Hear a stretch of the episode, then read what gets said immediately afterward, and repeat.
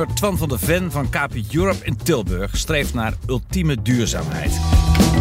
Zijn plastic bloempotten worden gemaakt van oude visnetten en textiel. En zijn productie draait op andere dagen dan we gewend zijn. Natuurlijk heeft hij zonnepanelen, maar die liggen op een dak met brandbare isolatie. Duurzaam ondernemen met uitdagingen dus. We praten erover in Zicht op Zaken. Twan, wat een gigantisch bedrijf heb je hier. Hoe groot is het? Wat is de oppervlakte? Um, 21.500 vierkante meter op een terrein van 38.800 vierkante meter, om precies te zijn. Zo, dat klinkt bijzonder indrukwekkend. Ja, dat is het ook wel. En hoeveel mensen werken hier? Op het moment, ik denk een uh, 87, 88 mensen. Nou, en jullie maken bloempotten, om het maar heel simpel te zeggen. Ja. Uh, en die verkoop je aan hoeveel landen? Ik denk op het moment rond de 80 landen wereldwijd. Dus uh, van Australië, Nieuw-Zeeland tot Midden-Oosten, Europa, Canada, Amerika, uh, Noord-Afrika. Uh, ja, dus eigenlijk wel wereldwijd. Ja. En wat is dan de omzet die je maakt met zo'n gigantische productie? Rond de 20 miljoen. 20 miljoen? Ja. ja.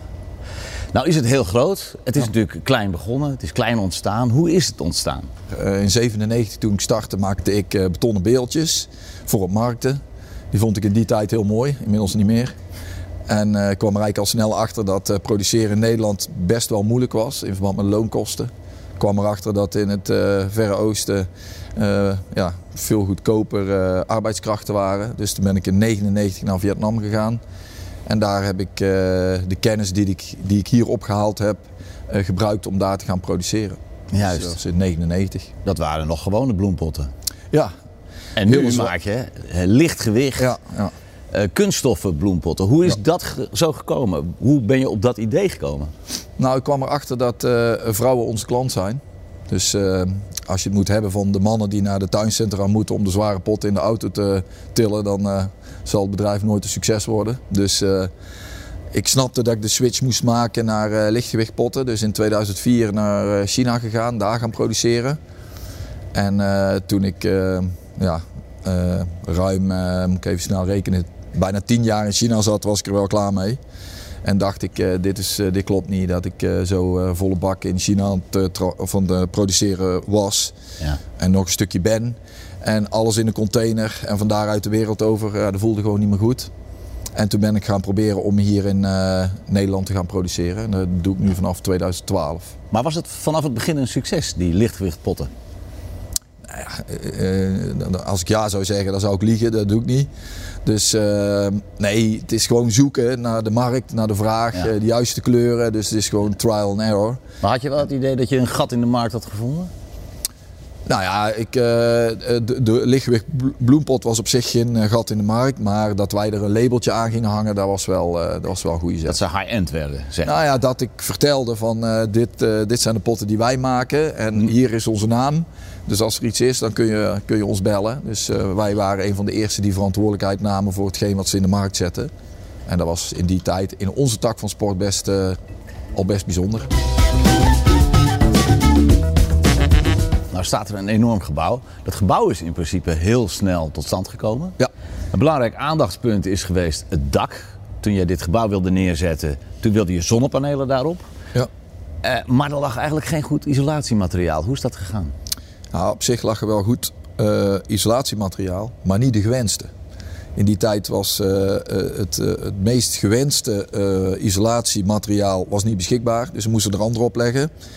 En daar vonden de verzekeringsmaatschappijen niet grappig. Dus die verzekeringsmaatschappijen haakten af en ja. toen? Nou ja, die, um, die haakte af, waardoor uh, mijn adviseur uh, zei van ja, nu hebben we een probleem. En ik zei tegen mijn adviseur, dat klopt, nu hebben we een probleem, want ik wil zonnepanelen op mijn dak. En de combinatie tussen de zonnepanelen die wij wilden en het dak was geen goede match. En daar zijn wij, of vooral Zicht, uh, ruim een jaar mee bezig geweest om alsnog alle vinkjes en al, alle handtekeningen te krijgen. En een go om die zonnepanelen erop te leggen. En ondertussen ging mijn bedrijf gewoon door. Ja, dus er was een zware druk op zich om ja. wel een verzekeraar te vinden die het wilde dekken. Absoluut, want wij hadden, uh, we hebben een verzwaard dak uh, laten bouwen waar de zonnepanelen op moeten. Um, wij hebben een productieproces waar veel stroom bij komt kijken. Dus zonnepanelen zijn heel belangrijk voor ons. Ja. Uh, omdat wij de ambitie hebben om uh, verantwoordelijk te produceren. Dus nee, die druk lag er inderdaad volop, ja. En in de tussentijd moet jij de beslissing nemen. zelf, want je houdt regie in handen. Ga ik door met produceren of niet? Ja, ga ik door met produceren, ga ik ook door met leggen. Dus het leggen van die zonnepanelen ging al door in het proces. Dus wij leggen de zonnepanelen op een dak waarvan eigenlijk uh, de, verzeker, waarvan de verzekeringsmaatschappijen zeiden... dat is leuk dat je dat doet, maar je bent niet verzekerd. En dan als je kijkt naar de complete huishouding hier, was dat wel een serieus risico. Ja. Dat betekent dat zicht biedt jou de mogelijkheden, het scala van mogelijkheden. Maar uiteindelijk hak, jij natuurlijk de knoop door. Jazeker. Uh, Zicht uh, die zeiden van, nou ja, we, de, twee partijen die uh, in principe de verzekering zouden doen, die hebben gezegd, sorry, de combi van de zonnepanelen en deze, dit merk of dit type isolatie, daar zeggen wij tegen no-go. Dus moest er een andere partij gezocht worden. En daar heeft uh, heel veel tijd gekost. Ook een teken van, van vertrouwen dat je hebt in zicht. Dat je dacht van ja, het komt blijkbaar wel in orde. Al duurt het misschien een beetje lang. Ja, uiteindelijk uh, uh, gaan wij, hebben zicht en wij samengezeten om te kijken van wat zijn de mogelijkheden. En ehm, ik heb er vertrouwen in gehad dat zij het uiteindelijk gingen fixen. En dat is ook gelukt iets langer dan gehoopt. Maar uh, de, de, de, de case was ook heel moeilijk. Hm. En daar, daar, daar zag ik ook en daar geloofde ik ook. Dus, uh, dus ik heb er altijd vertrouwen in gehad. En, uh, maar het heeft gewoon lang geduurd. Wat zijn fouten waar je van geleerd hebt? Ja, ik heb er best veel gemaakt, maar dat kan ook niet anders. Want als ik geen fouten zou maken, dan zou ik ook geen risico's nemen. Ja. Dus ik, ja, eh, alle fouten. Uh, we hebben heel fel gekleurde potten gemaakt. Ja, is totaal kansloos. Uh, we hebben motieven gemaakt die niet verkopen. We hebben richtingen ingegaan die niet konden. We hebben nou, zoveel. Maar dat is ondernemen. Dat is, dat, is het, dat is de essentie van het ondernemen. Als ik het alleen maar goed zou doen, dan, zit ik, dan, dan neem ik geen risico's. Dus dan, ja, dan kan ik ook niet succesvol zijn. Ben je iemand die uh, makkelijk risico's neemt? Ja, anders had het er niet gestaan. Dus ik neem risico's. Dat betekent, dat geen, uh, betekent niet dat ik een kamikaze-piloot was, want dan was het al een keer fout gegaan. Maar ja. ik, je moet als ondernemer uh, met de ambities die wij hebben, moet je wel risico's kunnen nemen. Omdat er, er zijn zoveel factoren die meespelen als je dit soort grote investeringen doet. dat er altijd ergens een hiccup is en zegt van nu moet je even stoppen of het kan niet doorgaan. En, het is gewoon risicovol. Het staat hier nu, ja. maar draai je al winst? Ja, gelukkig wel. Ik moet wel zeggen, corona heeft ons natuurlijk ook enorm geholpen. Ja, wat er gebeurd is, iedereen bleef thuis, iedereen ging als tuin werken. Uh, dus heeft ons een enorme boost gegeven. Dus de capaciteit wordt helemaal gebruikt al? Ja, we hebben in de coronatijd nog zes robots bijgezet, dus we hebben er nu 18 draaien. En nu uh, ontstaat er weer een nieuwe wereld. Hè. Iedereen is weer geland. Hm oorlog in de Oekraïne, onzekere markt. Dus uh, nou ja, deze fase moeten we ook weer doorheen. Maar dus, ja, ik ben nu 26 jaar ondernemer, daar word ik niet meer zenuwachtig van. Het is een geautomatiseerd bedrijf, maar eigenlijk moet je zeggen gerobotiseerd. Je ja. hebt 18 robots staan. Ja. Wat doen die? Hoe gaat dat? Ja, ik hoop heel veel bewegen, want dat is, dat is, dat is een goed teken. Ja. En, uh, staat er een achter mij ook, ja, hè? Ja, staat er een achter je. Ja, die, uh, wat, wat wij bedacht hebben is een, uh, de robot een onderdeel te laten zijn van het proces. Ja. Uh, het proces wat wij bedacht hebben bestaat ook niet in de wereld. De robot maakt de potten door de bewegingen die hij maakt. Ik vertel het heel simpel, want als ik dit heel technisch uit ga leggen dan haakt nu iedereen af. Dus ja, dat doen we Maar de robot maakt de pot eigenlijk? Ja, het is een belangrijk instrument om de potten te maken. Er zijn nog wel andere onderdelen, zoals de mal natuurlijk, de vorm van ja. waar de pot in wordt gemaakt. Maar de robot is super belangrijk. Ja.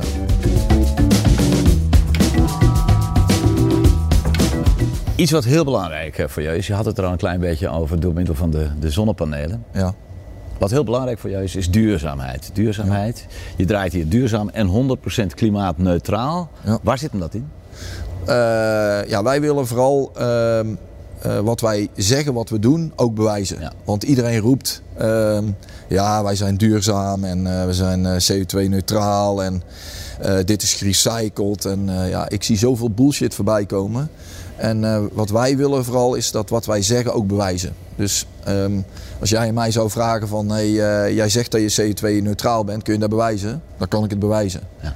En uh, ja, wij, uh, de, de 8000 zonnepanelen of 7850 zonnepanelen die wij op het dak hebben liggen, ja, daar, daar kan ik je ook laten zien. maar ook het materiaal, ik zit hier naar potten te kijken, daarvan kunnen wij bewijzen waar ze van gemaakt worden. En waar het materiaal vandaan komt, waar het afvalstroom vandaan komt. En Dus- waar komt het materiaal vandaan?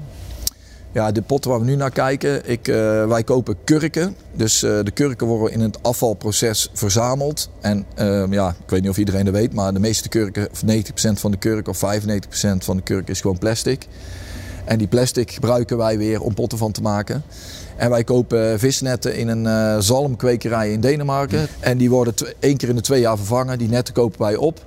En eh, daar maken wij potten van. Want veel bedrijven die roepen, ook grote merken, van hey, wij halen visnetten uit de zee en daar maken wij producten van. Greenwashing bullshit. Wij kopen afval in de markt om daar uiteindelijk een materiaal van te maken, om daar potten van te Ja. maken. Je zegt proberen, dus dat lukt nog niet voor 100%. Nee, omdat de, eh, we zitten nu in de fase dat, ehm, kijk, we zien dat er heel veel soorten plastic worden gebruikt eh, door heel veel grote bedrijven, waardoor het, het verzamelen van de plastic en het scheiden veel moeilijker is. We zouden er eigenlijk naartoe moeten dat een paar hele grote merken in Nederland gaan zeggen van, hé hey jongens, eh, alle toeleveranciers van nu af aan mogen jullie alleen dit soort plastic gebruiken.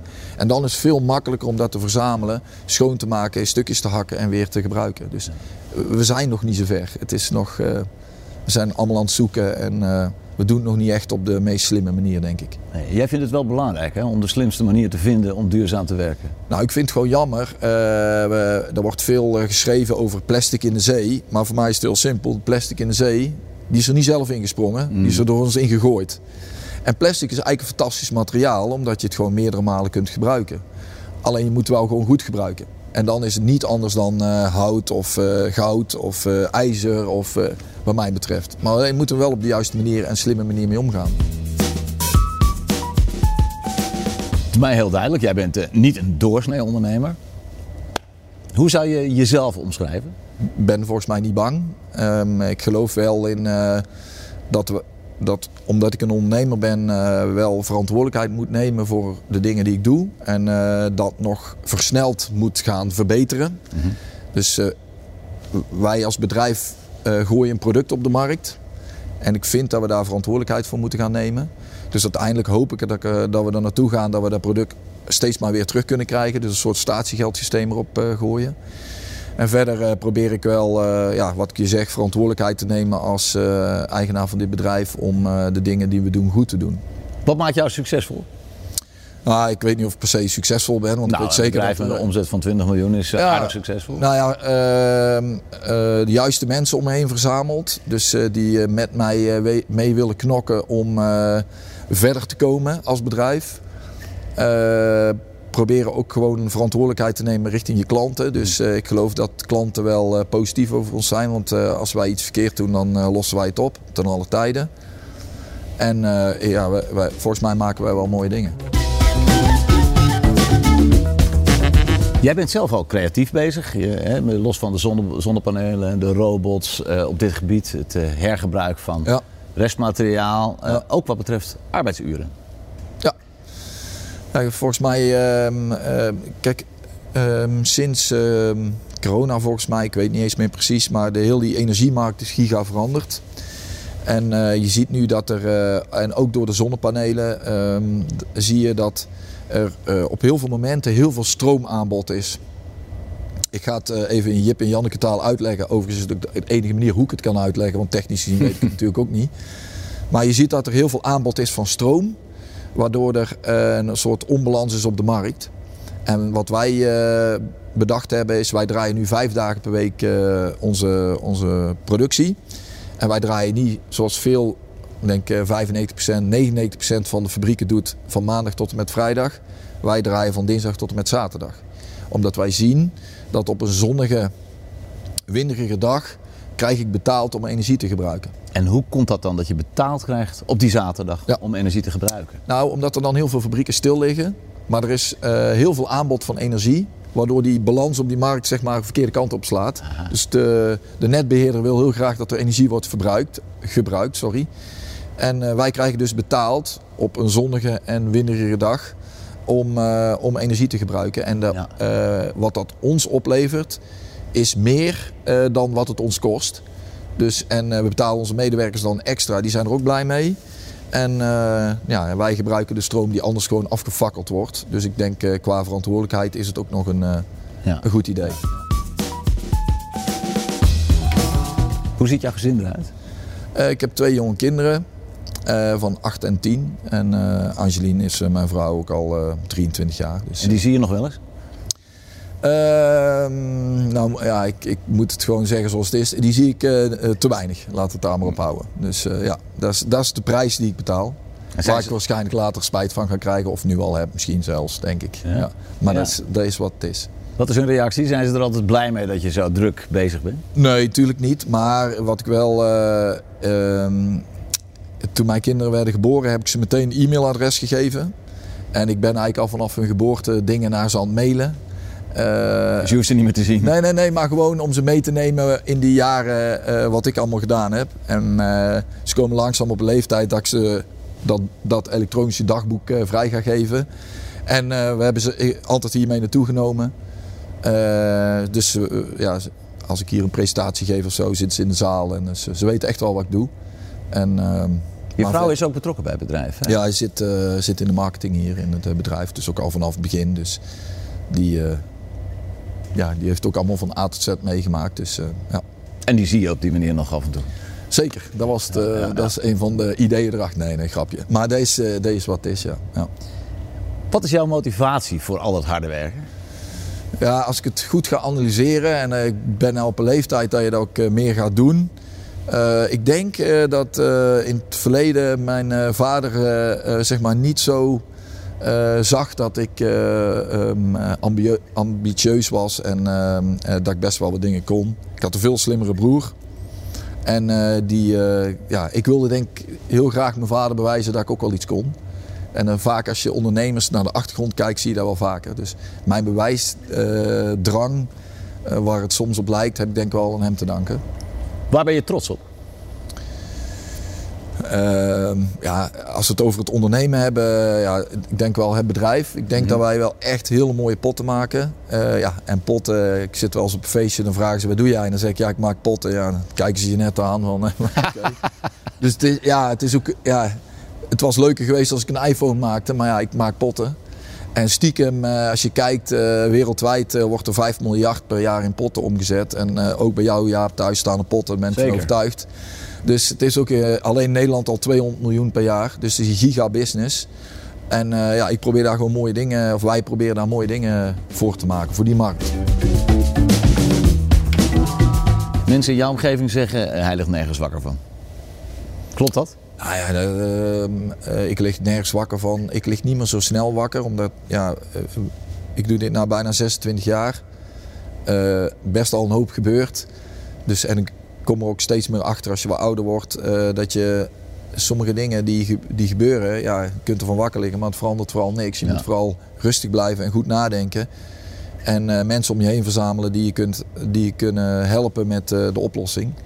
Dus nee, ik lig niet meer zo snel wakker. Maar ik zou wel wakker gaan liggen als hier ja, de pleuris uitbreekt met ja. brand of iets dergelijks. Ja, dat, dat, is het laatste scenario waar ik überhaupt over na durf te denken. Dus daarom is het wel zaak dat je goed nadenkt over de risico's en de juiste partijen om je heen verzamelt om je bij dit soort onderwerpen te helpen. Als je zo druk bezig bent, dan is het natuurlijk fijn als je bepaalde dingen helemaal aan iemand anders over kan laten. Zeker. Bijvoorbeeld verzekeringen. Ja. Die laat je over, of die laat je regelen door zicht. Klopt. Hoe werkt dat? Nou ja, ik, ik vind uh, de complexiteit van verzekering wordt eigenlijk alleen maar groter. En uh, je moet uh, een expert om je heen hebben die dit soort thematiek voor je op kan vangen. En Jan, mijn adviseur, ja, dat is het woord. Ik heb hem niet bedacht. Ik bespreek met hem van nee, dit is de casus. Bijvoorbeeld de zonnepanelen. Ik wil hier uh, 7850 zonnepanelen op het dak hebben. Hier heb je het dossier. Ik hoor wel wanneer ik mag beginnen. Is dat een belangrijk aspect van wat zich doet dat je ontzorgd wordt? Nou ja, wat, ik heb altijd naar verzekering als volgt gekeken. complex. Ja. Ehm, je wil ze eigenlijk niet nodig hebben. En als je ze nodig hebt, wil je dat het uh, gaat werken. Nou ja, we kennen alle klassieke gevallen. Dus wat ik uh, jaarlijks doe, is uh, met Jan een rondje lopen. En ik zeg tegen Jan, Jan, jij kijkt nu naar mijn bedrijf.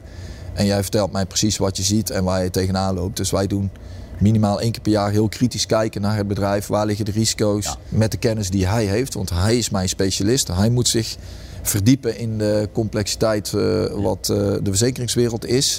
De kennis die hij heeft, moet hij overbrengen aan ons en ons helpen dat er uh, vooral. Al dan niet te dikken. Ja. ja, en dat er als er iets gebeurt, dat wij onze, onze shit op orde hebben, zeg maar. Ja.